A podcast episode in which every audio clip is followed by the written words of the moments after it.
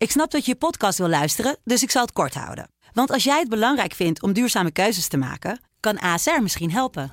Nou hoor ik je denken, hoe dan? Nou, bijvoorbeeld bij het duurzaam herstellen van schade. Of de premies die we beleggen volgens ons duurzaam beleggingsbeleid. Dat bepaalt waar we wel en juist niet in investeren. Wil je meer weten over welke duurzame keuzes ASR maakt? Ga dan naar asr.nl/slash duurzame keuzes. ASR doet het. Zo, dan kan je nu lekker naar je podcast luisteren.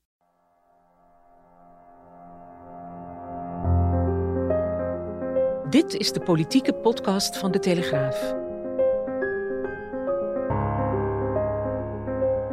Afhameren met Wouter de Winter en Pim CD. Ja, Wouter, hele goede dag. Ik kreeg net nog uh, van een uh, luisteraar, zijn natuurlijk onze de allerbeste luisteraars Zeker. van het land, nog de vraag van ja, hoe hoog scoort deze week op de schaal van zucht van CD? maar, uh, ja, maar goed, ik ga op een weekje tussenuit, dus ik zucht Ja. even niet. Jij was er ook niet gisteren. Smacht. Gisteren was ik er niet. Nee. Nee. ik heb het wel gevolgd hoor, Ja. uiteraard. Ja, ja, ja. Ja. Nou, hoe, ja, ja, ja, ja, hoe, hoe, hoe eh, deden we dat in? Van 1 tot 10 op een schaal van 1 tot 10? ja, inderdaad, ja. Negen zuchtjes? Ja, vond je? nou ja, aan de ene kant was het zuchten. Aan de andere kant is het natuurlijk, als je van het politieke spel houdt, is het natuurlijk wel ook genieten geblazen deze week. Want er gebeurt zo ongelooflijk veel. Ja, dat is waar. Alleen, ehm, ik moet je wel zeggen dat er zit ook wel een, een... Het is eigenlijk toch eigenlijk een beschamende vertoning. Kunnen we dat misschien ook vaststellen? Er zijn verkiezingen geweest. Eerst is er een kabinet gevallen. Toen is er campagne geweest. Zijn er verkiezingen geweest. En eh, daar is een, een hele duidelijke uitslag eh, gekomen. Namelijk dat eh, een aantal nieuwkomers echt een kans krijgen van de kiezer. Om, om, oh, ja, om, om wat te laten zien. Om iets aan Nederland te gaan veranderen. Natuurlijk de PVV in de eerste plaats met een enorme verkiezingsoverwinning. Maar ja, goe- goede tweede in die winst was toch wel was Pieter Omtzigt met zijn 20 zetels. Hè. Natuurlijk heeft de PvdA GroenLinks ook zetels gewonnen bij elkaar opgeteld. Maar ehm, ja, je kan toch wel denken dat er op een of andere manier gevolg moet worden gegeven aan dat eh, signaal. En als je dan ziet waar we nu zijn, dan stemt dat niet vrolijk. En stemt dat ook niet vrolijk over eh, het verdere verloop van deze formatie. Nee, nee. Het debat was natuurlijk, eh, had natuurlijk zeer spraakmakende momenten. Even één dingetje wat ik eruit wil halen. Hè. Dat was natuurlijk Plasterk die op een gegeven moment zei... richting het einde van het debat... dat hij dus zijn dienstauto had uitgeleend aan Pieter Omtzigt. En dat Pieter Omtzigt die auto gebruikte... om de media in een hotel bij Holland Spoor in te seinen... dat hij niet verder wilde gaan met de formatie. In- dan merk je in de reactie daarop dat, dat de Zwarte Piet gaat naar Plasterk. Want er wordt gezegd van ja, het is niet professioneel om dat in een debat te uiten. De Zwarte Piet gaat naar Omzicht. Want ja, wie leent nou een dienstauto? Het zou wat zijn als ik jouw leaseauto zou lenen om bij het AD te gaan solliciteren bijvoorbeeld. We- Weet je dat gevoel? Hé, ja, nee, kan je nagaan. Zou je me dat kwalijk nemen, Wouter? Nee, maar goed. Eh, ja, natuurlijk sowieso. Kijk, Ja. als het nou de Volkskrant was. Nee, maar goed, dat, nee, nee, dat- nee. dat was een zeer opvallend moment natuurlijk. Hè? Dat was, dat was een opvallend moment. Ehm, er werd dan eh, natuurlijk. eh, nou ja, het, het geeft natuurlijk wel aan dat er ook weer in iemands hoofd niet een soort zelfcorrigerend vermogen is. Het hoofd van Pieter Omtzigt. Om te denken dat het misschien wel erg cru is om de, de auto van de informateur naar een hotel te laten rijden waar je gaat vertellen dat je ermee ophoudt zonder dat die informateur dat weet, zonder dat je gesprekspartners eh, dat weten. En eh, nou begrijpen we wel dat achter de schermen nu wordt aangegeven van ja, we waren al met die auto überhaupt naar het ministerie van Justitie gegaan, omdat eh, we wilden, hij kwam dan met de trein uit Enschede kennelijk. Ja. En ehm, hij moest dan. Eh, de rest kwam vanuit de kamer of zo. En dan wilde hij ongezien het gebouw binnen. Want anders stonden allemaal journalisten. En we weten wat een enorme Ja, nee, journalisten God, nou, daar kunnen we het ook nog Dat je- even over hebben, zeg. dat je verantwoording moet afleggen voor wat je aan het doen bent op een ministerie in informatietijd en zo. Dus dat, nou goed. Hè? Ehm, dus dat was, dat was dan. En dan wilde hij ook weer weg. Maar dan wilde hij dus niet naar de kamer gebracht worden of naar het station, maar naar een hotel. En dan werd er dus toestemming gevraagd of, er, eh, eh, of hij daar naartoe kon rijden. eh, in die auto. En dat werd dan gevraagd weer vanuit die chauffeur. Want die denkt, ja, straks wil hij naar, naar Benidorm met de auto. Moet je dat ook eh, toestaan? Dus hè, de man moest immers rust eh, gebruiken. Dus Ja. Die weet wat hij van plan was. Eh, maar dat, dat, heeft, dat heeft Plasterk dan kennelijk goed gevonden. Ehm, niet wetende dat hij eigenlijk daarmee zijn zegen gaf aan het transport naar een hotel waar eh, het hele bouwwerk eh, in elkaar werd Ja. ge- getimmerd. En ehm, je kan je natuurlijk afvragen hoe handig is het om zoiets te zeggen. Uh, want dat is niet echt nodig. Het was meer, begrijp ik, om uit te leggen aan Nederland van ik was echt verrast dat hij ermee wilde stoppen. Want anders had ik hem wel niet in die auto laten stappen. Um, omdat hij natuurlijk niet wist wat hij in dat hotel dan ging doen. Plasterk. Maar de vraag is natuurlijk, moet je zoiets in, in, in het debat zeggen? Ja. Als je eerst ook al met veel aplomb hebt gezegd dat het instituut uh, wordt beschadigd en dat ons zich natuurlijk het instituut moet, uh, moet beschermen. Een, een correcte analyse, maar die heb ik zelf ook gemaakt um, toen dit allemaal gebeurde. En met mij denk ik vele anderen.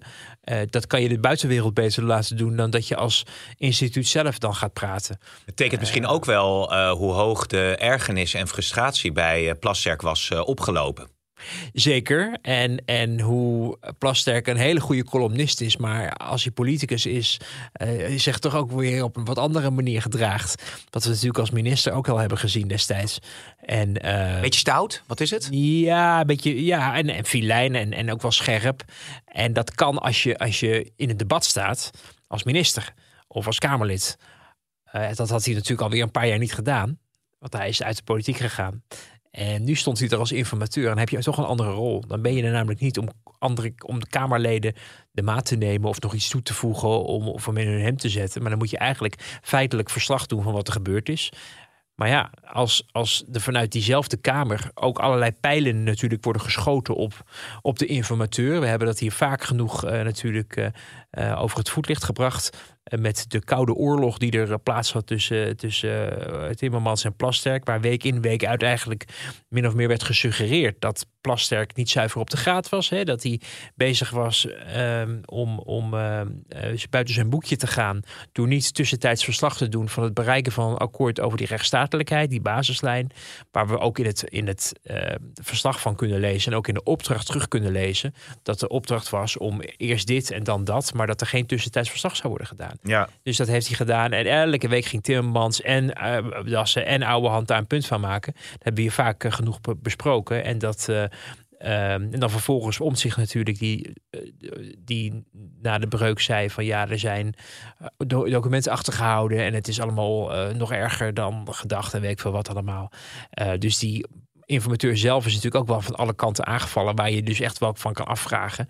Kamer, wat, waarom maken jullie die informatie elke keer zo'n puinhoop? Want je bent zelf als Tweede Kamer echt bij het in de soep la laten lopen van dit uh, van dit proces. Even los van de inhoudelijke overeenstemming die er al dan niet bereikt wordt, maar de manier waarop men met elkaar omgaat en met het, met het formatieproces. Drankroddel hadden we natuurlijk bij de vorige formatie gezien. Het eindeloos om elkaar heen draaien. Uh, ze, ze, doen het zichzelf allemaal ja, aan en daarmee je, Nederland. Ja, want jij had ook al uh, een fragment wat je wilde laten horen. Dat was voorafgaand aan het debat bij Pieter Jan Hagens bij, op, bij Eén Vandaag. En daar werd Timmermans uh, geïnterviewd kort nadat volgens mij Plasterk zijn verslag had aangeboden aan de Tweede Kamer. En toen zei uh, Timmermans het volgende. Ik vermoed dat Wilders en Plasterk gedacht hebben... we trekken Omtzigt wel in een fuik rond het beleid en dan kan hij niet meer terug. Maar dan hebben ze buiten Pieter Omtzigt gerekend. Die laat zich echt niet in een fuik trekken. We trekken Omtzigt in een fuik. Ja, en ik vermoed dat Wilders en Plasterk kennelijk iets op touw hebben gezet. Uh, dat is een beschuldiging die eigenlijk, zeker op het moment dat hij hem uitsprak, niet te staven viel. Namelijk dat Wilders en de, de informateur uh, bezig zijn om onder een hoedje te spelen en uh, om zich ergens in te duwen of zo. Hè. Daarmee wordt eigenlijk al gelijk gezegd: Plasterk is niet te vertrouwen. Die heeft geen onafhankelijke rol in dit proces. Die is met Wilders Precies, onder ja. een hoedje aan het spelen. Uh, om omzicht uh, klem te zetten. En dat is natuurlijk op zich al een hele merkwaardige uh, aanname. maar geeft dus ook precies aan wat ik ook net zei. Hoe men in de wedstrijd zat. Ja. Namelijk die plastic die deugt niet.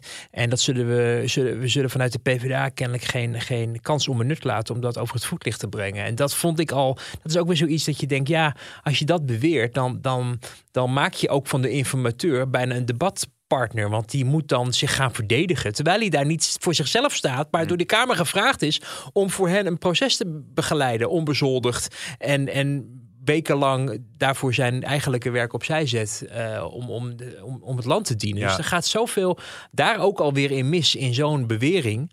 Uh, je kan het wel denken, je kan het vermoeden. Je kan vermoeden dat, uh, omdat Plasterk en Wilders hebben we een paar maanden geleden hier besproken, elkaar natuurlijk op een gegeven moment op Bonaire hebben ontmoet. Hè? En uh, daar uh, kennis hebben gemaakt, omdat ze alle twee in hetzelfde hotel zaten. Hebben ze wat gegeten met de partners erbij. En daar is een bepaalde vorm van vertrouwen ontstaan. En toen Gon van Strien het veld moest ruimen als informateur voor, voor de PVV, toen heeft de Wilders gedacht van, nou ja, hij heeft zich in de, in, in, in de krant natuurlijk uitgelaten dat hij het wel zag zitten dat zo'n kabinet er zou komen met deze samenstelling. Laat hem dan kijken of hij kan verkennen of dat mogelijk is. Um, daarmee wordt hij dus eigenlijk een soort, ja, een instrument, een soort puppet van Wilders verklaard door Timmermans. Ja, is waarvan ik denk dat het, dat het, dat het eh, ja, onterecht is, maar dus ook heel erg beschadigend ook weer. Ja, um, wat Timmermans zegt, hè, uh, dat die fuik uh, er is neergezet waar, waar Omtzigt dan is ingezogen. Um, heeft Omtzigt zich, denk jij, wel laten klemzetten. He, heeft even los van het feit of iemand daar dan kwade bedoelingen mee had of dit bewust wilde doen, maar heeft Omtzigt zich er niet te veel in laten zuigen? Um, en dan misschien dat hij dat zelf heeft gedaan. Dat hij zelf dat, dat visnet in is gezwommen. Nou, en ik denk dat, dat als je dat met van een afstandje bekijkt, uh, lijkt mij niet. Omdat ook hij van tevoren wist wat de opdracht was. Wist uh, het traject wat zou worden afgelopen. Eerst die rechtsstatelijkheid. Dat vond hij heel erg belangrijk. Daarom is dat er ook ingefietst natuurlijk. Dat daar afspraken over gemaakt te kunnen worden. En hoe je het ook went of keert. Je kan zeggen schande dat je dat überhaupt moet afspreken. Als, als onderhandelingspartners in een rechtsstaat. Uh, aan de andere kant, datgene wat er uiteindelijk lag. Maakte volgens mij op vriend en vijand wel een robuuste indruk. Uh, die, die punten die dan werden opgeschreven. stond zelfs nog een puntje bij waarin werd afgesproken om elkaar heel te laten. Ja. Je kan een boom opzetten of dat eigenlijk is gebeurd. Dus of ze niet al gelijk hun eigenlijke afspraken aan het, aan het ondermijnen waren. en dat is een legitieme vraag die je kan stellen. Die werd trouwens ook gesteld in het debat. Maar ehm, het, het, het neerleggen van dat fundament, die basislijn, was op zich wel oké. Maar de afspraak was om daarna te gaan per, per punt te gaan verkennen of, uh, of er voldoende zicht was op overeenstemming. Het had natuurlijk kunnen zijn dat dat zicht er niet was. Hè, dat je erachter kwam dat je op internationale politiek of op, op, op stikstof of op de bestaanszekerheid dusdanig met elkaar van mening verschilde dat je geen reden zag om in de tweede fase mm. in deze samenstelling verder te praten. Maar dat is iets anders wat er gebeurd is. Er is midden in het proces natuurlijk, of aan het einde van het proces, maar nog middenin voor een echte afronding, natuurlijk de omzichten de stekker uitgetrokken met dat mislukte mediaoffensief, het mislukte reden dat het het financieel beleid is, de insinuatie dat er stukken zouden zijn achtergehouden. Dat er enorme tegenvallers waar hel en verdoemenis uit zou blijken. Terwijl er dus geen meevallers waren opgegraven, op, opgevraagd. Um, dat werd overigens, begreep ik, nog wel gevraagd door omzicht uh, om, om dat nog in het verslag te, dat er ook meevallers waren gevraagd. Maar um, dat uh, is niet in het verslag terechtgekomen, okay, omdat ja. het niet gebeurd zou zijn. zo hoorde ik uit ehm, ja, de, de onderhandelende partijen. Dus dan, dan merk je wel dat daar um, uh, dat dat gewoon van de reden schouder, dat het dus gelopen en dat het dus een andere motivatie heeft gezeten, een ander traject. Dus op het moment dat je de indruk krijgt dat um, je die basislijn af hebt gerond en dat de verder rest van de gesprekken dusdanig voorspoedig verlopen, dan is de enige reden waarom het op deze manier uh, ja, uh, te op te breken is, is als er toch iets van kortsluiting uh, in je hoofd ontstaat. Of als je denkt van, oh, het was eigenlijk niet mijn bedoeling om het eens te worden. Dus dat je van tevoren al weet, we gaan ja. net doen alsof we het serieus menen, maar dan verzinnen we wel weer iets om eruit te stappen. En dat zou toch helemaal niet des omzicht zijn, want die is toch van de zorgvuldige procedure, et cetera. Er is ook een week voor de breuk, is er dus bij Dylan Jezielgus thuis een etentje geweest. Ja, dat begreep ik, ja. Ja, met, met heeft de, de, de, de Jezielkus Turks en Libanees laten aanrukken. En daar, daar is door Wilders omzicht uh, Jezielkus zelf en Caroline van der Plas lekker van gegeten. En dat was een goede sfeer, begrijp ik, dat, dat etentje. Um, en dan vervolgens uh, was de bedoeling om dan in het verlengde van dat etentje de volgende week met z'n vieren verder aan het vertrouwen te werken. Omdat iedereen die wat langer in Den Haag rondloopt weet dat zo'n coalitie, zeker als die omstreden is, alleen maar echt functioneert als je elkaar ook vertrouwt en elkaar wat gunt. Ja. En daardoor was het de bedoeling om dat dan buiten de informateur uh, te doen en dan op een externe locatie. Het ministerie van Justitie zou je zeggen is toch iets anders dan op de hei. Maar goed, uh, zowel Wilders als Jasielgus die zitten in een streng beveiligingsregime. Dus dan is het handig en ook enigszins zonder pottenkijkers mogelijk om dat op het ministerie van Justitie elkaar dan te zien. En om daar verder aan het vertrouwen te werken zonder secondanten en ook zonder de informateur. Er is denk ik begrijpelijk kritiek dat op het moment dat je dat doet, je ook ehm, misschien wel belangrijke beslissingen aan het nemen bent zonder dat daar de informateur bij is die wel het verslag moet maken van die onderhandelingen. Uh, dat is natuurlijk op het konto geschreven, of op het konto geschoven. Sorry mensen, ik ben ook zo. Ja, je gaat als een trein, Wouter. Ik ben net zo doodmoe als Pieter Omtzigt. Oh, ja, oh, oh, en dan ga ik er vandoor, hè? En, dan blijf jij nog. Uh, en ik heb niet vijf dagen door het bos in Enschede kunnen nee. wandelen. En ik heb ook nog niet een week vakantie in het vooruitzicht. Dus kan je nagaan. ja, nou. Vertel verder. Ja, dus, dus um, Um, dat er gesproken werd dus- bij het ministerie van Justitie zonder de informateur. Dat is, ja, dus dat opmerkelijk Daar zit de kwetsbaarheid in natuurlijk. Dat, je er dan, dat je er dan als informateur niet uh, bij uh, zit. Natuurlijk ook wel inmiddels ook wel duidelijk dat het niet echt lekker ging met het stroomlijnen van het proces. Dat, dat er ja, toch wel wat, wat scheve gezichten waren over de manier hoe, hoe Plasterk dat ook ja, tot een goed einde probeerde te mhm. brengen. Omdat er te weinig knopen uh, werden doorgehakt. Dat is wel iets wat ik uit meerdere hoeken heb gehoord. Dus dat, dat wordt niet verzonnen of zo. Uh, alleen, um, ja, je, nog steeds wel eh, op een manier zou je verwachten dat het fatsoenlijk kan gebeuren. En dat is het uiteindelijk uh, natuurlijk niet gegaan. Nee, nee overigens, de rumor hè, zit ook dat Plasjak eigenlijk premier wilde worden. Hoe zit dat nou? Want ik las dat in, in andere kranten ook weer rond, rond zingen. Of is dat ook weer een beetje, past dat ook een beetje in de framing? Was het echt een belachelijke column in, was het de Volkskrant of zo? Van iemand die nog eens een, oud, een oude column of een oud schrijfsel erbij had gepakt van tien jaar geleden of elf of twaalf jaar geleden. En daarmee het, de, smoking gun dacht te hebben gevonden. Uh, nou, volgens mij is al snel duidelijk geworden in dat, in dat proces dat uh, uh, niet iedereen daar per se op zat te wachten. het is ook, is ook wel weer een vorm van kwaadaardigheid. Hè? Dat je dus niet iemand vertrouwt dat hij het proces goed probeert af te ronden, maar ook gelijk denkt van ja, hij zal er wel voor zichzelf in zitten. terwijl een informateur kijk, een formateur is de beoogd premier. Dat is degene die met de ministers gaat praten en uh, een soort sollicitatie-examengesprek afneemt van is er nog iets wat ik moet weten. Maar die ministers worden doorgaans dan door de politieke top van de coalitiepartners uitgezocht. Maar nu vanwege het feit dat Geert Wilders heel lastig ligt als beoogd premier, Ehm, is er ineens behoefte aan een ander soort premier. En dan wordt al heel snel ja, één en één, en één bij elkaar opgeteld. Ehm, maar dat zicht op dat hij premier zou worden, dat was volgens mij al redelijk spoedig wel weer van tafel verdwenen. Ja, ja. Ehm, nog even los van het feit of hij het wel had geambieerd. Want uh, kijk, hij is er denk ik wel misschien wel belangstellend genoeg voor. Maar of hij de. Ijdel genoeg wellicht ja, dat, dat zijn jouw woorden.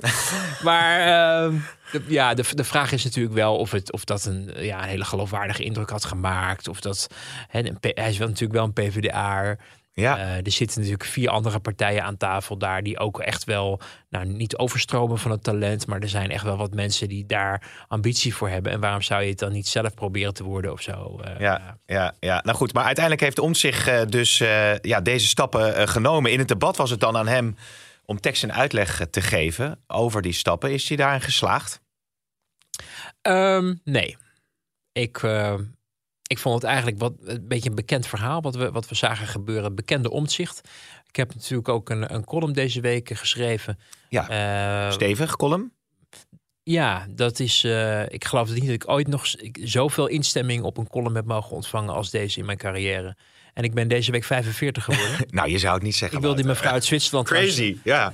Mevrouw uit Zwitserland nog even bedanken voor de felicitaties. Oh, wat lief. Die stuurde een aparte mail daarvoor. Naar podcast, het telegraaf. Of het post, podcast. Nee, niet podcast. Het is podcast, telegraaf.nl. Podcast, telegraaf.nl. Daar kunt u trouwens volgende, de aankomende week uh, tot de volgende afhameren nog wat vragen naartoe sturen. Ja. Want er is volgende week reces. En Pim gaat, gaat uh, zich volgooien met vlugels in een, een of ander oord. In, Bij 45 graden in, ja. de, in de Alpen. Ja, lekker op het, op het strand. Met mijn zwembroek op, uh, op de piste. Ja, en, en ondertussen mag ik, mag ik het volk bewaken. Maar we hebben natuurlijk niets om over te praten als er volgende week niets gebeurt. Hoewel er wel wat begrijp ik, gaat gebeuren. En der met gesprekken. Maar goed, ehm, ehm, dus als u vragen heeft, eh, stuur ze naar podcast.telegraaf.nl. Ja. Dat had een, een dame die al eerder ook iets heeft gestuurd eh, naar ons. eh, dus nog even felicitaties gegeven. Maar ik heb in, in, in 45 jaar niet zoveel reacties. en trouwens overwegend ook positieve reacties. Want dat is maar ook wel eens in de krant dat dat gebeurt. En dat kennelijk ook nog kan. Omdat ik had, wel had opgeschreven over, over omzicht. Wat een heleboel mensen in, in Den Haag, of eigenlijk iedereen in Den Haag weet. Eh, en ook daarbuiten. Maar niemand ooit durft te, zeggen of op te schrijven. Of bijna niemand. Laat ik mezelf niet groter maken. Maar er zijn een paar journalisten die het wel hebben gedurfd de afgelopen jaren. Zij het mondjesmaat. Maar dat er een karakterologisch eh, issue is met omzicht. Dat even losstaat van eh, zijn, zijn fantastische werk om, het, om de toeslagenaffaire boven tafel te houden. Ehm, ja, dat moest maar eens duidelijk worden. Want dit zijn patronen, dit zijn ervaringen van mensen die, die eh, met de beste wil van de wereld hebben geprobeerd om met hem samen te werken. Met hem, eh, hem ook te helpen toen hij het moeilijk had. En dat was echt ook al van voor en na zijn overspannen periode. Want dat, ja, de hele periode wordt tegenwoordig maar onder één motto samengevat. Namelijk het CDA wilde hem kapot maken en hij was, hij was, eh, hij was het grote slachtoffer. Eh, nou, er is onmiskenbaar waar dat hij met, met sommige mensen niet goed door één deur kon. Dat sommige mensen ook liever afscheid van hem wilden nemen dan dat ze hem erbij hadden willen houden. Maar er zijn ook genoeg mensen die met de beste wil van de wereld hebben geprobeerd om er wat van te maken, om te helpen, om te steunen. Eh, niet alleen bij het CDA, ook bij andere partijen, ook op ministeries zelfs. Er is heel veel moeite gedaan om, om hem te begrijpen, om hem te helpen. Om, en, en uiteindelijk eh, zit er ook gewoon in hem iets wat ehm, ja, vrij destructief is richting de buitenwereld. Waardoor het heel moeilijk is om met hem samen te werken. Ja, want dat is uiteindelijk het punt. Het gaat natuurlijk niet zozeer om nou eh, op de persoon een column te schrijven, maar het gaat natuurlijk meer over het politieke proces. eh, wat we nu weer hebben gezien met deze formatiefase, wat enorm bemoeilijkt wordt. Als ik jouw column goed begrijp, door de manier waarop hij politiek eh, bedrijft. En zeker als de druk toeneemt. Zeker, want er zijn natuurlijk eh, een heleboel mensen in Den Haag die rondlopen waar, waar, eh, waar je van alles van kan vinden. En waar je ook karakterologische kenmerken van ziet gebeuren. Ik noem die maaltijdbezorger van Voor voor Democratie en zijn, en zijn com companen. Ja, die trouwens mag ik heel veel tussendoor nog een eh, tweet stuurde deze week van... ja, het is zo raar waarom journalisten niet met mij willen praten. Wat is dat toch allemaal? Ja, met een ja, clowntje erbij. Maar ik zag hem aanlopen eh, deze week. Ik, ja, ik, weet, ik, weet, ik vroeg nog, hoe gaat het met de boksen? Hoe gaat het met, met de Het is maaltijdboksen? wel fijn dat we inmiddels zijn geupgrade van ratten tot journalisten. Dat is Ja, dan toch ja, weer de winst van de week. positief. Dus dat, dat is dan toch wel weer mooi. Maar goed. Maar, maar eh, dus er is genoeg op aan te merken. Maar ja, als mensen niet, niet zo relevant zijn, dan, dan ja, kan je de schouders erover ophalen, eh, wellicht. Maar Omtzigt staat natuurlijk nu in het centrum van de macht, in principe. Hij kan zowel een, een rechtskabinet als een linkskabinet als een ander kabinet aan de meerderheid helpen. Eh, en dat betekent dat het heel interessant is om te horen hoe hij daar wellicht toe bereid is. In welke vorm dat kan. En wat je ziet gebeuren is op het moment dat eh, ja, het, het, het pad zit, zich vernauwt tot besluitvorming daaromtrent. eh dat er dan een soort ja, paniekreactie, gezochte argumenten om zich heen meppen. Ehm, eh, proces plaatsvindt. Wat we de afgelopen jaren natuurlijk vaker hebben gezien. En als het even kan, wordt ook nog Mark Rutte erbij genoemd. Want die is natuurlijk de, de- echt, echt de, de, de axis of evil. Kwade genius van het in- geheel. In, persoon. Hij veert ook helemaal op als hij bij Umberto, maar ook weer in de Kamer, de kans krijgt om nog even te vertellen wat Rutte allemaal verkeerd heeft gedaan. Terwijl nu is voor hem de kans, en het is een gouden kans om het verschil te maken. Om te zeggen, we gaan dit, dit en dit invoeren in Nederland. En daarmee zetten we de eerste stappen op weg naar het herstel van vertrouwen. Want dat was ook alweer zijn... eh, zijn, eh, zijn Mantra. Ja, wat was ook alweer de, de titel, Bestu- ja, ik de zit titel even- van zijn even- verkiezingsprogramma? eh, op weg, de weg naar vertrouwen. Het is Ja, het ook alweer. Ja, ik zie het voor me. Ik ben weer helemaal terug op dat moment. die- de redactie de schuld. De redactie heeft het weer niet voor ons ja, het verkiezingsprogramma van NSC. Ja, ik kan nog even de redactie maar, het maar, even op. maar, nou ja, in ieder geval weer, het was een soort puinhopen van, van, van 13 jaar Rutte, maar dan in een andere titel gevormd. Ja, En ja. eh, dat, dat is iets wat wij, wat we eh, elke keer eigenlijk wel zien gebeuren. Eh, dat, dat op het moment dat je de kans krijgt om, om dan het verschil te maken en om het dan zelf te doen, om dan zelf te vertellen hoe het moet en daar verantwoordelijkheid voor te willen nemen, dat hij dan eh, afhaakt en, en, en, en zegt van ja, ik wil meer informatie of daar is informatie achtergehouden of ik wil eigenlijk toch iets anders. Maar wat, weet, wat ik dan precies wil, dat weet ik nog niet precies, want dat moet nog blijken. En weet je wat, we doen een breed, meerder, breed extra parlementair kabinet. Terwijl het eerst dan dachten we een extra parlementair kabinet moest zijn. Maar ja, dat had hij dan in die krant gezegd. Maar even later zei hij dat weer ergens anders. En toen had nog zijn omgeving er ook nog wat over gezegd tegen een journalist. En toen leek het wel alsof hij. Weet je, er is, zoals Jette ook opmerkte eh, in het debat, er is geen touw meer aan vast te knopen op een moment. En dat je dan in een, in een debat ineens gaat filosoferen van ja, het moet een breed extra parlementair kabinet zijn waar wij geen ministers aan gaan leveren. Nee, in principe niet, hè, zeggen ze. Ja. Maar wat wel breed moet zijn. Dus het CDA er ook maar bij. En Bontebal, die zit daar in die, in die zaal. En die denkt, wat krijgen we nou? Nou heb ik het straks nog gedaan. Dan moet ik verantwoordelijkheid gaan dragen voor jouw extra parlementaire kabinet... waar je zelf geen ministers voor wil leveren. Wat is dan eigenlijk überhaupt... Uh, het is overigens tijd voor herstel, vertrouwen, zekerheid en perspectief. Nou, nou fantastisch. Perspectief op een kabinet is er uh, nog niet uh, bepaald. Maar, maar, want ik vroeg hem ook voorafgaand aan het debat op dinsdag van... wanneer hoopt u eigenlijk dat er een kabinet zit? En toen zei hij nou zo snel mogelijk. Zeg ik, nou, wat is uw verantwoordelijkheid daar dan in? Om daar ook een bijdrage aan te leveren. Want als je natuurlijk een extra parlementair kabinet gaat steunen op de standpunten waar jij je als NSC vertrouwd bij voelt, ja, dan, dan kun je je handen in de lucht houden. Dan kun je ook inderdaad andere partijen aanwijzen die ook misschien een verantwoordelijkheid moeten pakken. Dus dan kom je nergens. Of je kan gewoon je kans grijpen. Want ik loop nu twintig jaar in Den Haag rond. Uh, we hebben in het verleden ook wel vaker gezien, zo bijvoorbeeld met D66 de afgelopen periode, uh, maar eigenlijk misschien ook wel bij Rutte 1.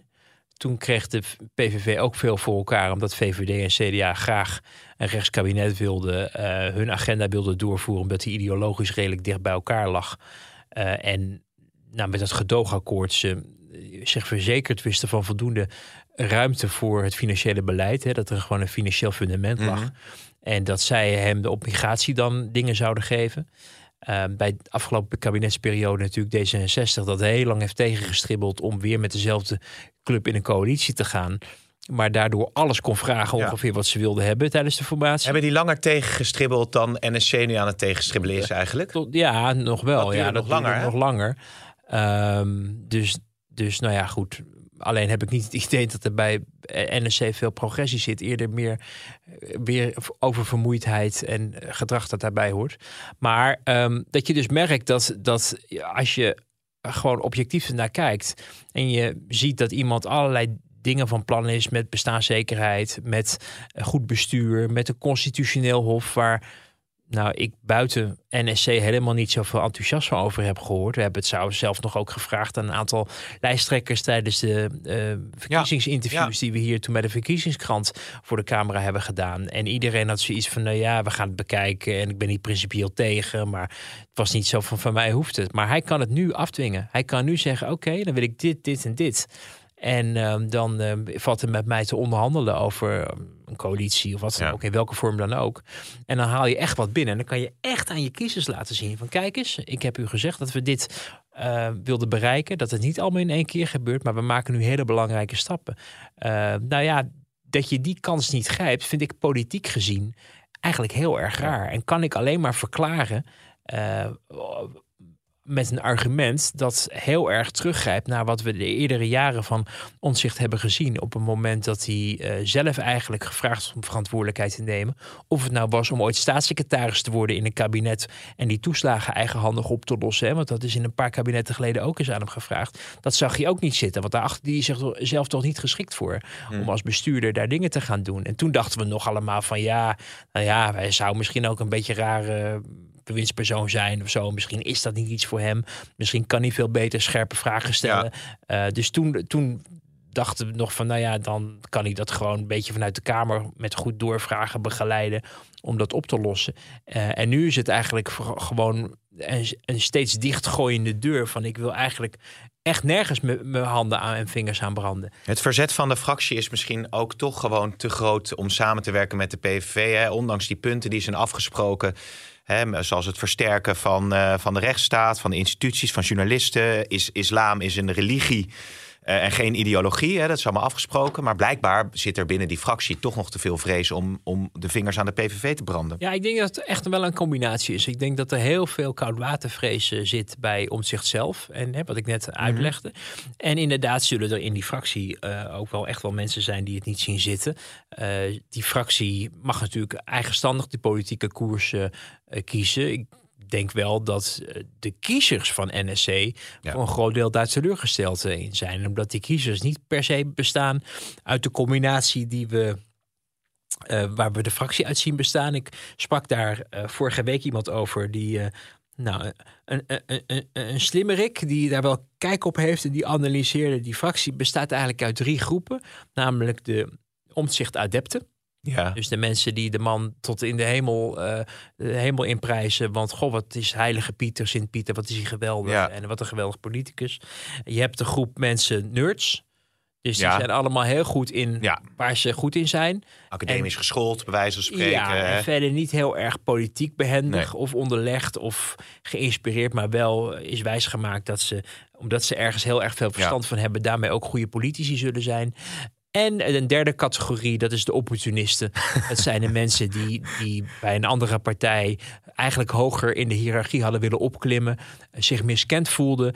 En zich realiseerden dat ze maar ergens in op een backbench niveau, op een wethouderspostje of een, eh, eh, eh, een gedeputeerde ergens zijn geweest, maar eigenlijk het kabinet in wilden. En dat lukte dan niet. En daarom gevraagd hebben. En toen werden ze weer afgewezen en dachten, nou, dan gaan we wel bij een partij waar we die kans wel eh, Ja. eh, hebben. Nou, dat is, dat is eigenlijk even ruwweg. Eh, zo schetste die Slimmerik tegen mij eh, de samenstelling van de NSC-fractie. En ik denk dat dat voor een groot deel echt wel hout snijdt. En dat zijn dus ook niet per se de politieke hemelbestormers die nu eh, om zich gaan proberen te corrigeren. Of gaan denken van, goh, zullen de mensen in het land op, op ons daarom gestemd hebben? Of hadden ze gewoon het idee dat de beuk erin moest in Den Haag? Dat Omt zich niet voor niks al die tijd heeft gewaarschuwd. Dat hij heeft laten zien dat er echt wat mis was. En nu verdient hij een kans om te laten zien hoe het dan wel moet. Ja. Daar rekenen denk ik een heleboel Ja. kiezers op dat dat nu zou gebeuren. En wat zien die kiezers? Die zien iemand die vooral zegt ja. In een, zelfs nog in een debat, ja, hoe dat er precies moet, dat ja, weet ik eigenlijk Ja. ook niet. En zo is die elf zetels kwijtgeraakt Ja. eh, in, de, in de laatste peilingen. Eh, er is nog veel meer over te zeggen. Natuurlijk, eh, misschien nog, nou ja, goed. Ik dacht heel kort. Het is natuurlijk een beetje kribbige sfeer geweest. Ook deze week. Inderdaad, over het feit dat NSC beveiliger of beveiligers had neergezet.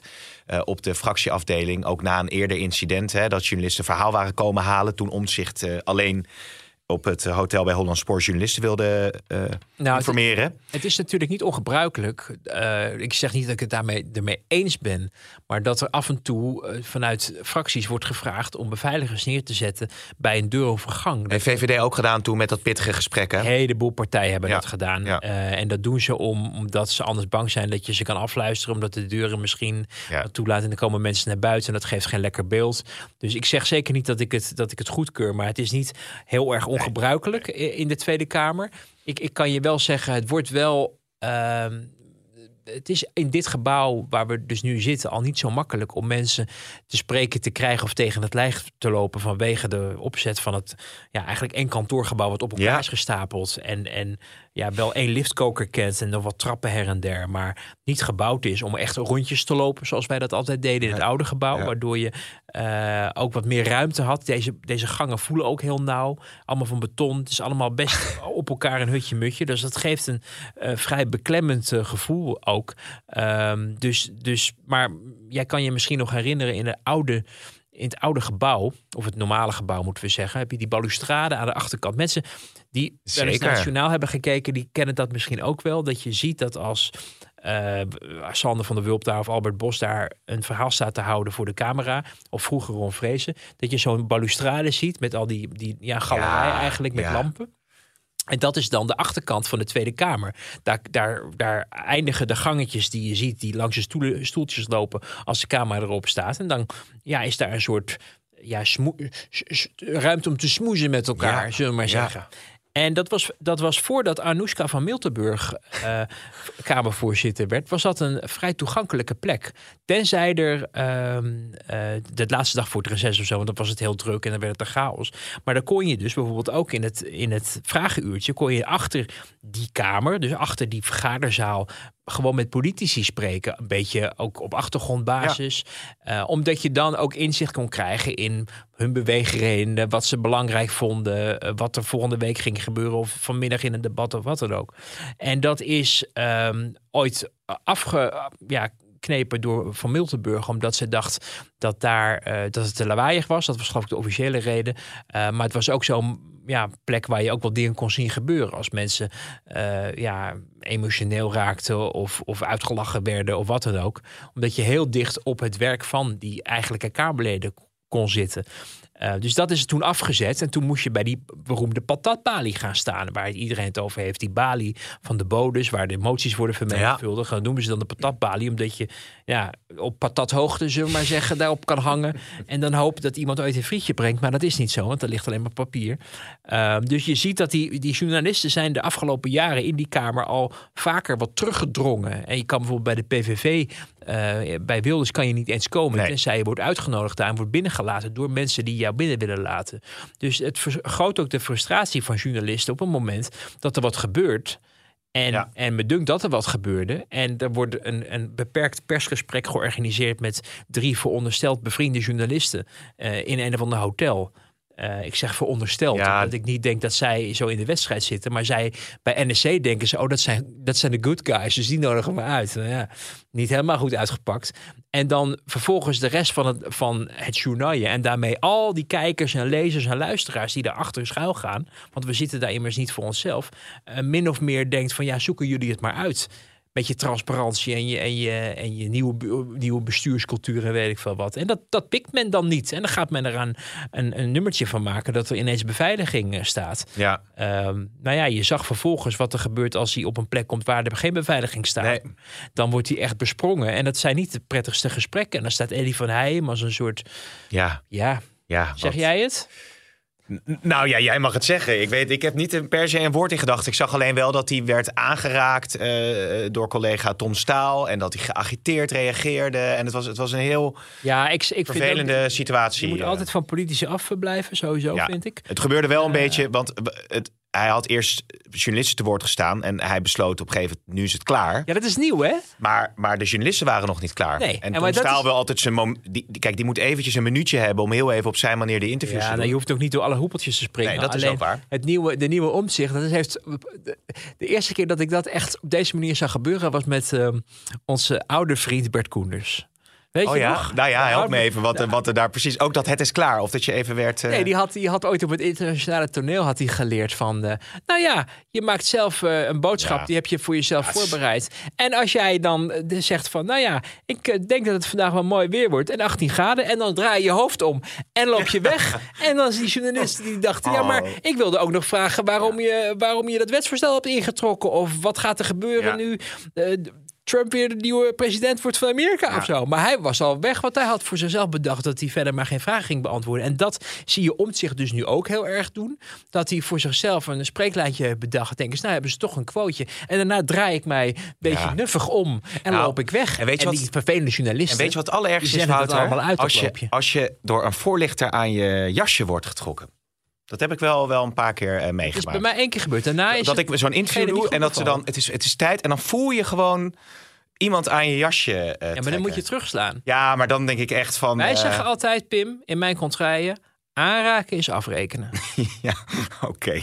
Maar goed, het is ook misschien een verkap compliment, denk ik dan maar. Als ze aan je jasje gaan zitten, trekken. dan worden ze echt zenuwachtig. Ik denk dat is een compliment. Nou ja, zo zie ik dat dan maar weer. Ja, als ze niet aan je jasje trekken, denken ze... nou, het interview gaat wel de goede kant op voor, uh, ja, voor onze nou, politicus. Het, het, je ziet dus, ik bedoel, dat de omgang met media is... Uh, doe je, ah, ja, het is het, onszelf niet groter maken Het is ook zijn. een beetje de heat of the moment. Ik denk van nou, uh, nu zat de NRC... Hè, het, is, het is allemaal heel erg dom gewoon. En, en wat men allemaal elkaar, media ook toevoegt en probeert achter de schermen in te steken en te manipuleren en verondersteld te corrigeren. Het, het slaat allemaal nergens op. Men is daar in die nieuwe partij vrij weinig gewend. En uh, volgens mij had het niet zo gehoeven. Maar het komt ook nu als een boemerang terug bij hen. Omdat ze zelf ja. allemaal zo vaak hebben gezegd... Uh, het moet anders, het moet beter, het moet transparanter. En op het moment dat nou ja, de macht ter discussie staat. En, en nou ja, bij hen kan zij ook ter verantwoording worden geroepen. Dan gaan ineens de luiken dicht en wordt er heel erg moeilijk gedaan. Ik heb bij Rutte nog nooit zoveel uh, irritatie en ergernis gezien rondom uh, de plenaire zaal bij interviews. Ja. Die had altijd wel een soort van ontspannenheid uh, op, op die momenten. Hè? Jij hebt hem ongetwijfeld ook wel eens scherp voor je Ja. camera gehad. Nou ja, maar de, Pieter Omzicht zit sinds 2003 in de Kamer. Hè? Mm. Ze gaat ook al wel even mee. Ja, dus Ja. we hoeven ook niet te doen, want dat zag ik ook ergens voorbij komen. Zo van, oh, dat had hij zelf gezegd. Ja, we zijn een jonge partij. Ja. Denk, Hij nam nou, wel alle tijd overigens voor die interviews op die, eh, op die dinsdag. Dat, dat kan dan ook wel eh, benoemd worden. Overigens, uh, Jezus, laten we daar dan even naartoe gaan. Die neemt nu een, zet een stap vooruit. Maar als je dat met re- vanuit retro perspectief bekijkt... en je gaat even naar het moment dat ze als allereerste zei... wij gaan alleen maar gedogen. Ja. Is dit dan... Ja, dat ze, is dit dan een juiste strategie geweest? Even rouwen, even zeggen van nou, Ja. wij hebben verloren... en dan nu uit verantwoordelijkheid voor het land toch die stap zetten? Ik heb me dat wel afgevraagd toen ik hier naartoe reed eh, vanmiddag. Omdat ik dacht, ja, was het dan achteraf wel een goed besluit? Ik denk toch niet, want het heeft veel eh, mensen eh, die VVD hadden, hadden gestemd... eh, ja, in verwarring achtergelaten. En als je je eigen mensen niet goed weet te overtuigen van je koers, dan gaat er iets mis. Nou, dat hebben ze ook wel eh, er- erkend. Ik vraag me zelfs af of we dat hele traject waar we dus nu inkomen...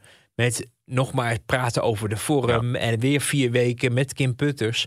ehm, of je dat niet had kunnen eh, eh, voorkomen als je vanaf het meet af aan duidelijk was ge- geweest. Want wat had om zich dan gedaan als je nu al zo moeilijk doet over hè, na die basislijnen en na dat gepraat van ik wil het eigenlijk niet, dan hadden we dat traject wat we dus nu tegen wil en dank door de strot geduwd krijgen, misschien al eh, vrij eerder in het proces eh, kunnen hebben gehad. Als er gewoon via de normale route was gezegd. Nou, dat zij uiteindelijk wel bereid zijn om verantwoordelijkheid te dragen in een kabinet. Maar goed, je zal het nooit precies weten, want je kan de tijd eh, niet terugdraaien. Wat ik wel weet is dat ze aangenaam verrast zijn bij de VVD over het- hoe het debat voor hen is gegaan. Oké, ja. wel heel duidelijk is geworden dat zij eh, b- nou, bereid zijn om, om stappen te zetten. Om, om ook een compromis te sluiten. Af te wijken van de eigen koers. Daarmee ook hopend dat NSC dat ook zou doen. Maar aan het land ook kunnen laten zien van wij realiseren ons dat er iets van ons verwacht wordt. Uiteraard is dat omdat je zelf je in een andere positie eerst hebt gezegd. Heb je gelijk in. Alleen, oké, het is vaker bij een formatie. Je begint aan het traject en je wil ook ergens eindigen. En in dat, in, tot, tot dat eindpunt moet je soms van koers wijzigen of moet je die bijstellen, omdat je merkt dat je het anders niet eens wordt met elkaar. Dus eh, je merkte dat het, nou, je circus het volgens mij ook niet slecht deed. Dat de achterban, ook de criticasters voor samenwerking met de PVV, zich ook wat gedijst hield. Ja, ja. Iedereen dacht van, nou ja, dit is een redelijke koers die ze nu vaart. Ehm, en, en dat is ook niet onbelangrijk, ze zijn NSC weer een stap voor. Ja. Omdat zij groter zijn, mocht Ja. zij eerder spreken. En daardoor kon zij eerst, nadat zij hen, de NSC verraste met eh, het idee wij gaan gedogen, oftewel dan kunnen jullie het niet, is het nu van nou oké, eh, wij zien eh, alles overziend.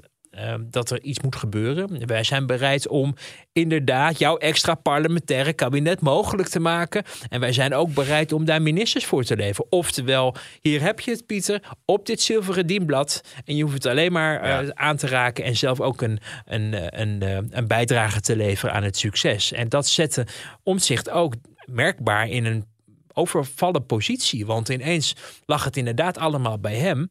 VVD was om. PVV en BBB wilden graag. De rest van de Kamer had ook zoiets van... Ga Zoek het eens, maar uit met elkaar. ga eens even lekker met elkaar Ja. praten. En hij moest ineens weer een nieuwe uitvlucht verzinnen... om toch maar geen ja te zeggen. Net als we eerder hebben gezien. Ja, ja. Eh, heel even tussendoor. Eh, Bosma, we zijn natuurlijk heel kritisch geweest op eh, Vera Bergkamp en hoe zij als Kamervoorzitter eh, acteerde. Hoe vond jij eh, Bosma het doen bij deze ja, vuurproef, zou je kunnen zeggen? Nou, we hebben natuurlijk eh, afgesproken dat iedereen een half jaar krijgt. Hè? Dat, Ja. dat, eh, dat eh, was in december. Hebben we toen ook bij Vera Bergkampen gedaan. Ik denk dat je wel zag dat op momenten de hele soepele humor wel werd gelardeerd in het debat. Waar we Bosma ook van kennen. En we moeten hem dus ook nog niet afrekenen op het eerste resultaat. Vond wel dat het debat bij Vlagen wel heel veel afslagen nam. Eh, waarvan je je afvraagt van, ging dat nog over de formatie? In de Hm. loop van de uren kwam Bosma wel een beetje ervan terug en zei, zullen we weer teruggaan naar het formatieproces? Maar het was vooral in het begin weer die hele, eh, weer eh, de herhaling van Lange inleidingen ook. Hè? Esther Ouwehand, die viel Jezegus ook aan. En die kwam met hele uiteenzettingen over, Precies. over, over nou ja, Jezegus als minister en, en discriminatie Ja, en Rutte. dat, en dat nam ook weer allemaal afslagen. ik verbaas me daar wel over dat Jezegus gewoon, die reageerde daar wel op. Je had ook gewoon kunnen zeggen van ja, wat is uw Ja, omdat vraag? het, omdat het het dwars zit. Hè? Omdat, ja. als ik het goed heb, oude hand dat artikel uit NRC erbij haalde, waarin ze van iets werd beticht. Waar het trouwens de portefeuille is van Van den Burg. Maar goed, werd beticht van dat het eigenlijk ook allemaal weer eh, niet rechtsstatelijk was. De minister van Justitie niet paste. Eh, NRC heeft natuurlijk af en toe ook echt afslagen van actiejournalistiek. Dat wordt de Telegraaf nog wel eens uh, verweten. Maar ik zou mensen aanraden, neem eens een stapje terug... en kijk eens wat er af en toe allemaal wel niet beweerd wordt daar op de voorpagina. Waar aan het einde van de dag eigenlijk vrij weinig van overblijft. Het is nu al een paar keer gebeurd in één maand. Het valt echt op. Misschien... Uh, ze hebben nog geen nieuwe hoofdredacteur daar natuurlijk. En wel dezelfde uitgeverij, hè? Dat is waar. Maar ja, dat, dat, merk, jij, merk jij er wat van? Ik niet. Ja. Dus, dus dat is, dat is eh, iets wat, wat, wat wat daar gebeurt. Ze ging daar gelijk weer op in. Maar het was niet relevant voor het debat. En in het debat waren vaker van dat soort momenten ook nog eens ja en meneer Wilders en u heeft dit vroeger gezegd en dat vroeger gezegd. Allemaal tot je dienst. Maar dat hadden we ook al in het vorige debat over de formatie. En tijdens de, trouwens tijdens de verkiezingscampagne nog niet eens zo. Achteraf zou je zeggen hadden ze dat wat meer gedaan en hadden ze Wilders wat meer uh, ingewikkeld kunnen maken af en toe. Maar je ziet dat de, ja, de bijna Pavlov-reactie in een debat waar Wilders als eerste mag spreken. we gaan Wilders aanpakken op wat hij vroeger gezegd heeft. En dat kan je doen. En het is niet zo dat, dat, dat hij, omdat hij nu de grootste is geworden, dat dat allemaal niet meer telt of zo. Maar als het gaat om, oké, jullie gingen met elkaar praten. En uh, er moet een nieuw kabinet komen, in welke vorm dan ook. Of je moet met elkaar concluderen dat je het niet eens wordt, zodat een andere ploeg uh, het over kan nemen. Wat Jette ook nog suggereerde, hè? want dan moeten we naar andere combinaties kijken. Heeft het eigenlijk niet zoveel zin om nog eens twee uur te gaan praten over... ja, maar in 2006 heeft u dit gezegd. Ja. Want dat, dat schiet niet op. Wilders gaat er sowieso niet echt op in. En het duurt en het duurt en het duurt. Nee, Wilders zet je natuurlijk niet zo makkelijk uh, klem wat dat betreft. Bleek ook wel in het debat. Je had het even over ja, toch ook de soepelheid waarmee Bosma zo'n debat kan leiden. Dat viel natuurlijk ook weer op bij een confrontatie tussen Plasterk en Timmermans. Ik vind het een vooruitgang, laat ik dat zeggen. Want de laatste keer dat de heer Timmermans in deze Kamer sprak over mijn columns, zei hij nee, dat stond in de Telegraaf, die lees ik niet. Um, en nu blijkt hij dat toch gelezen te hebben. En dat, Het is volkomen waar, voorzitter, dat ik uh, deze afgelopen periode van uh, het ronddraaien rond de informatie heb gebruikt om mij te verdiepen in de vele geschriften van de heer Plasterk. Uh, ik moet u bekennen dat ik er niet vrolijker van ben geworden. Nee, nee, nee. Voorzitter, dat is mij uit de kringen van de Partij van de Arbeid vaker toegevoegd. Met ongeveer met mijn duiding was, ja, dat is een krant voor arbeiders en daar hebben wij niet zoveel mee te maken. Ja, dat was wel een mooie sneer, ja. Nou, kwam ja, naar aanleiding ook van, die, van die, dat interview wat we toen hadden. Hè? Of die de columns van uh, Plasterk wel eens had gelezen. Uiteindelijk nee, komt, komt het altijd weer terug bij de Telegraaf. Nou, inderdaad. Hè? Grappig is dat, hè? Ja. Nee, maar dat, dit, was, dit was nog leuk en dit was nog wel grappig. En uh, uh, je weet dat het van het, het feit van Plasterk uh, richting zijn partij, PvdA, is van jullie hebben je veel te veel afgekeerd van de normale mensen. Jullie zijn elitepartij geworden, zeker nu met GroenLinks. Uh, terwijl de PvdA eigenlijk de oude sociaal-democratie moet aanhangen. De gewone mensen moet, moet uh, ja, uh, vertegenwoordigen en moet verheffen. En we hebben daar een paar podcasts geleden, heb ik ooit verteld ja. over die columnisten die die daar dan ook in het verleden en denkers van de PvdA die die daarvoor als, als leidraad gebruikten. En um, uh, nou ja, dat is pijnlijk, want Timmermans weet in zijn hart ook wel dat men van die koers is afgeweken. Ook noodgedwongen omdat ze met GroenLinks zijn samen uh, gegaan. Dus uh, eigenlijk zijn ze het denk ik meer eens. Alleen de ego's zijn dusdanig groot dat dat met elkaar gaat botsen. En dan, uh, wat ik dan ook, dat zit er niet in dit fragment, ook heel opvallend vind, is dat uh, Timmermans dan gaat zeggen: Ja, maar ik ben tenminste opgegroeid ja. in een arbeidersgezin. En daarmee suggererend dat, dat uh, Plasterk degene is die de. Die het elitaire elitair is, is, Terwijl die ook in Den Haag uh, was opgegroeid in de arbeiderswijk. In Zuidwest, ja, ja, waar u misschien wel eens bent geweest op een werkbezoek. zegt Plasterk dan weer tegen Timmermans. Ja. En Timmermans die dan zich toch weer een beetje op de kast laat jagen. Van ja, ik kom uit een. En dat is precies zoals we Timmermans kennen. Dat ongelijkte Calimero-gedrag van. Oh, maar ik ben echt uh, uit een arbeidersgezin. Terwijl He, zijn, zijn grootvader was dan uit de mijnen. Ja. Maar uh, hij groeide dan op. Uh, uh, nou ja, enige zin, zijn vader was diplomaat. Nou, die diplomaten die keken ook allemaal wel op hen neer. Omdat ze dus uit van eenvoudige komaf waren. Dus dat is wel echt een motivatie. Maar je vraagt je wel eens bij jezelf af: van, is het nu misschien na 60 jaar eens tijd om het, ver, ja, om het verleden een plekje te geven, Frans? Ja, ja. Of desnoods nog een, een therapeutische sessie te organiseren. Maar gaan we nu de rest.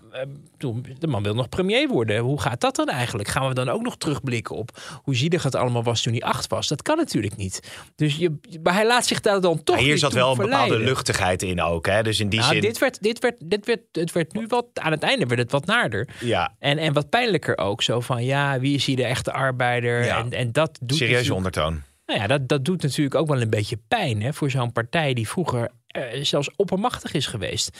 En nu, nu eh, met, met, eh, met, de met de gratie gods mag vragen aan GroenLinks of ze samen kunnen om nog een enige relevantie overeind te houden. Ja, Het is ja. op zich heel pijnlijk en het legt wel bloot dat. dat hoe, hoe is het toch in hemelsnaam mogelijk dat je eh, zelfs nu rechts er zo'n puinhoop van maakt... dat er niet een massaal teleurstellende kiezerstroom richting het alternatief PvdA GroenLinks stroomt, ook in peilingen, van nou ja, laat hen het dan maar proberen. Want Gaat dit, allemaal naar de PVV, hè? ze hebben drie zetels of zo hebben ze in de peiling erbij gekregen. Na al dit gesodemieten van de afgelopen weken. Ja. Dat zegt wel wat. Ja. Zelfs nu Wilders zo groot is geworden en je zou kunnen zeggen van nou, dan gaat iedereen van D66 en het CDA die trekken massaal nu naar PvdA GroenLinks om tegengeluid. Er is niet de enorme eh, niet- unanieme tegenstroom. En dat komt, dat komt dus ook omdat men uiteindelijk toch nog steeds niet de juiste toon eh, te pakken heeft. Om, om een groot deel van, denk ik, toch wat normale. Ja, het klinkt wat alsof je abnormale mensen hebt, maar.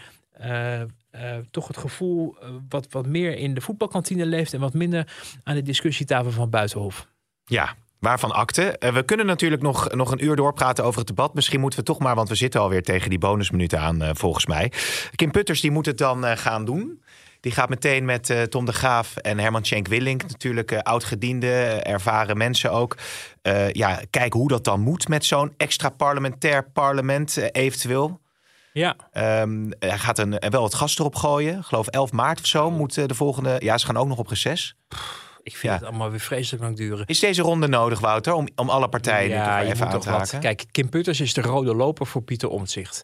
Vanwege zijn verleden, vanwege hè, Hmm. natuurlijk eh, sociaal eh, eh, cultureel planbureau aangevoerd. Vaak analyses gemaakt die best overeenkomen met de zorgen die Omtzigt heeft geuit de afgelopen jaren. Dus men heeft gedacht van nou, laten we iemand zoeken die weliswaar geen NSC'er is, voor zover bekend, maar wel kan appelleren aan de zorgen die Omtzigt de afgelopen jaren geuit heeft. Nou, dat is mooi. Eh, die mag dus aan de slag. En eh, daarmee probeert men omzicht, denk ik, ook te bewegen om op een gegeven moment eh, duidelijk te maken wat hij nou wil. eh, in de, ja, een stap vooruit te zetten, net als je zielcursus heeft gedaan. Om dan te kijken of je niet toch, op wat voor manier dan ook, een kabinet wat dan extra parlementair zou moeten zijn. En wat dat dan precies inhoudt, dat mag men ook nog met elkaar gaan bekijken de komende weken. Maar dat je daarvoor dus eh, op vrijdag Tom de Graaf en Herman Schenk Winning voor uitnodigt. doet mij wel heel erg maar vragen van... goh, kan je het dan niet gewoon helemaal voortaan aan de koning overlaten? Want dan zijn we eigenlijk weer terug bij hoe het vroeger allemaal ging. Hè? Dat de vaste adviseurs, eh, dit zijn eh, de huidige en een, en een voormalig vicepresident van de Raad van State... Ja, die dan ja. hun licht mogen laten schijnen. Ongekozen mensen eh, met een enorme partijachtergrond... die dan maar eens even mogen vertellen wat nu handig is voor... Nou, ze hebben natuurlijk wel ervaring in het proces. Dus wat dat nou, betreft. dat valt wel mee met Tom de Graaf. Tom de die Graaf, die ja. heeft dat niet. Cenk Willink dan natuurlijk. Name. Willink die wordt gerespecteerd, maar die was met pensioen en die heeft ook echt wel aangegeven mij niet bellen. En wat doen de Kamer of wat doet de informateur? Hem bellen. Dus dat is bijzonder. Ehm, en dan vervolgens eh, begrijp ik dat er ehm, de kans is dat er misschien ook nog wel wat mensen langskomen van, eh, van enige rechtsstatelijke achtergrond die verstand hebben van wat nou precies de vorm van een kabinet zou kunnen behelzen. Daar wordt in ieder geval over nagedacht of, of dat handig is. En dan daarna, na deze aanstaande recessweek, waarvan je kan afvragen van goh, het waren toch nog maar vijf weken terug van, eh, van vakantie eh, voor het gevoel. En mag Nederland misschien gewoon van de politici verwachten dat ze in de krokusvakantie doorwerken als er een kabinet moet komen. Maar goed, daar dachten mensen kennelijk massaal anders over. Maar dan komen ze straks terug van die eh, skivakantie. En dan eh, krijgen we weer zo'n hele ronde met mensen die hetzelfde gaan zeggen als ze eerder hebben gezegd tegen Plasterk. Hebben een aantal partijen al aangekondigd. Dus dat is ook weer. Weet je, Remkes die zei gewoon, ja, dat hebben we al gedaan. Ja, ja, ik ga niet ja, nog een keer doen wat Mariette Hamer al heeft Hadden ze die niet van stal moeten halen weer, eh, Remkes. Nou ja, maar goed, laten we ons gelukkig prijzen. Zolang, Kim Putters is natuurlijk een man van nodige statuur. en zolang de directeur van de Efteling nog niet lang mag komen, dan, dan zitten we nog vaak in het proces. Ja, ik zit te denken, skivakantie. Ik denk niet dat Caroline van der Plas eh, graag op de lange latten staat. Maar dat uh, geheel terzijde. Nou, wat, wat, dat Ja, ik nou zo seksistisch van jou. Ja, is dat zo? Nou ja, weet ik niet. Lijkt me niet zo'n enorm ski-type. Het is trouwens ook wel grappig dat je dan heel veel politieke video's en scherpe interviews probeert te, houden voor onze vrienden van de site. En dat uiteindelijk het, het item met eh Caroline van der Plas die haar shirt verkeerd om had aangetrokken met een labeltje aan eh, de voorkant. Oh, Dat gretig aftrek vond eh, bij onze, onze kijkers op de Nou, site. ja. Maar goed, weten we dat ook weer. fair and balanced. Zo is het. Wouter, zullen we gaan afronden? Eh, want we hebben natuurlijk niet alles besproken in het, eh, wat er in het debat is gebeurd. Maar er komen nog heel veel mooie politieke momenten aan. Podcast.telegraaf.nl kunnen mensen politieke vragen aan jou stellen. We zijn er dus volgende week weer. Ik niet, ik ga wel luisteren. Want ik ben benieuwd wat onze beste luisteraars allemaal Doe je dat dan in de hebben. auto terug? Met de kinderen. Ik weet de niet of ze, kinderen? of ze het volhouden. niet Nee, dat lang, eerder eh. de regels van Floor of andere, andere podcastvermaak. Wouter, dankjewel en eh, tot snel.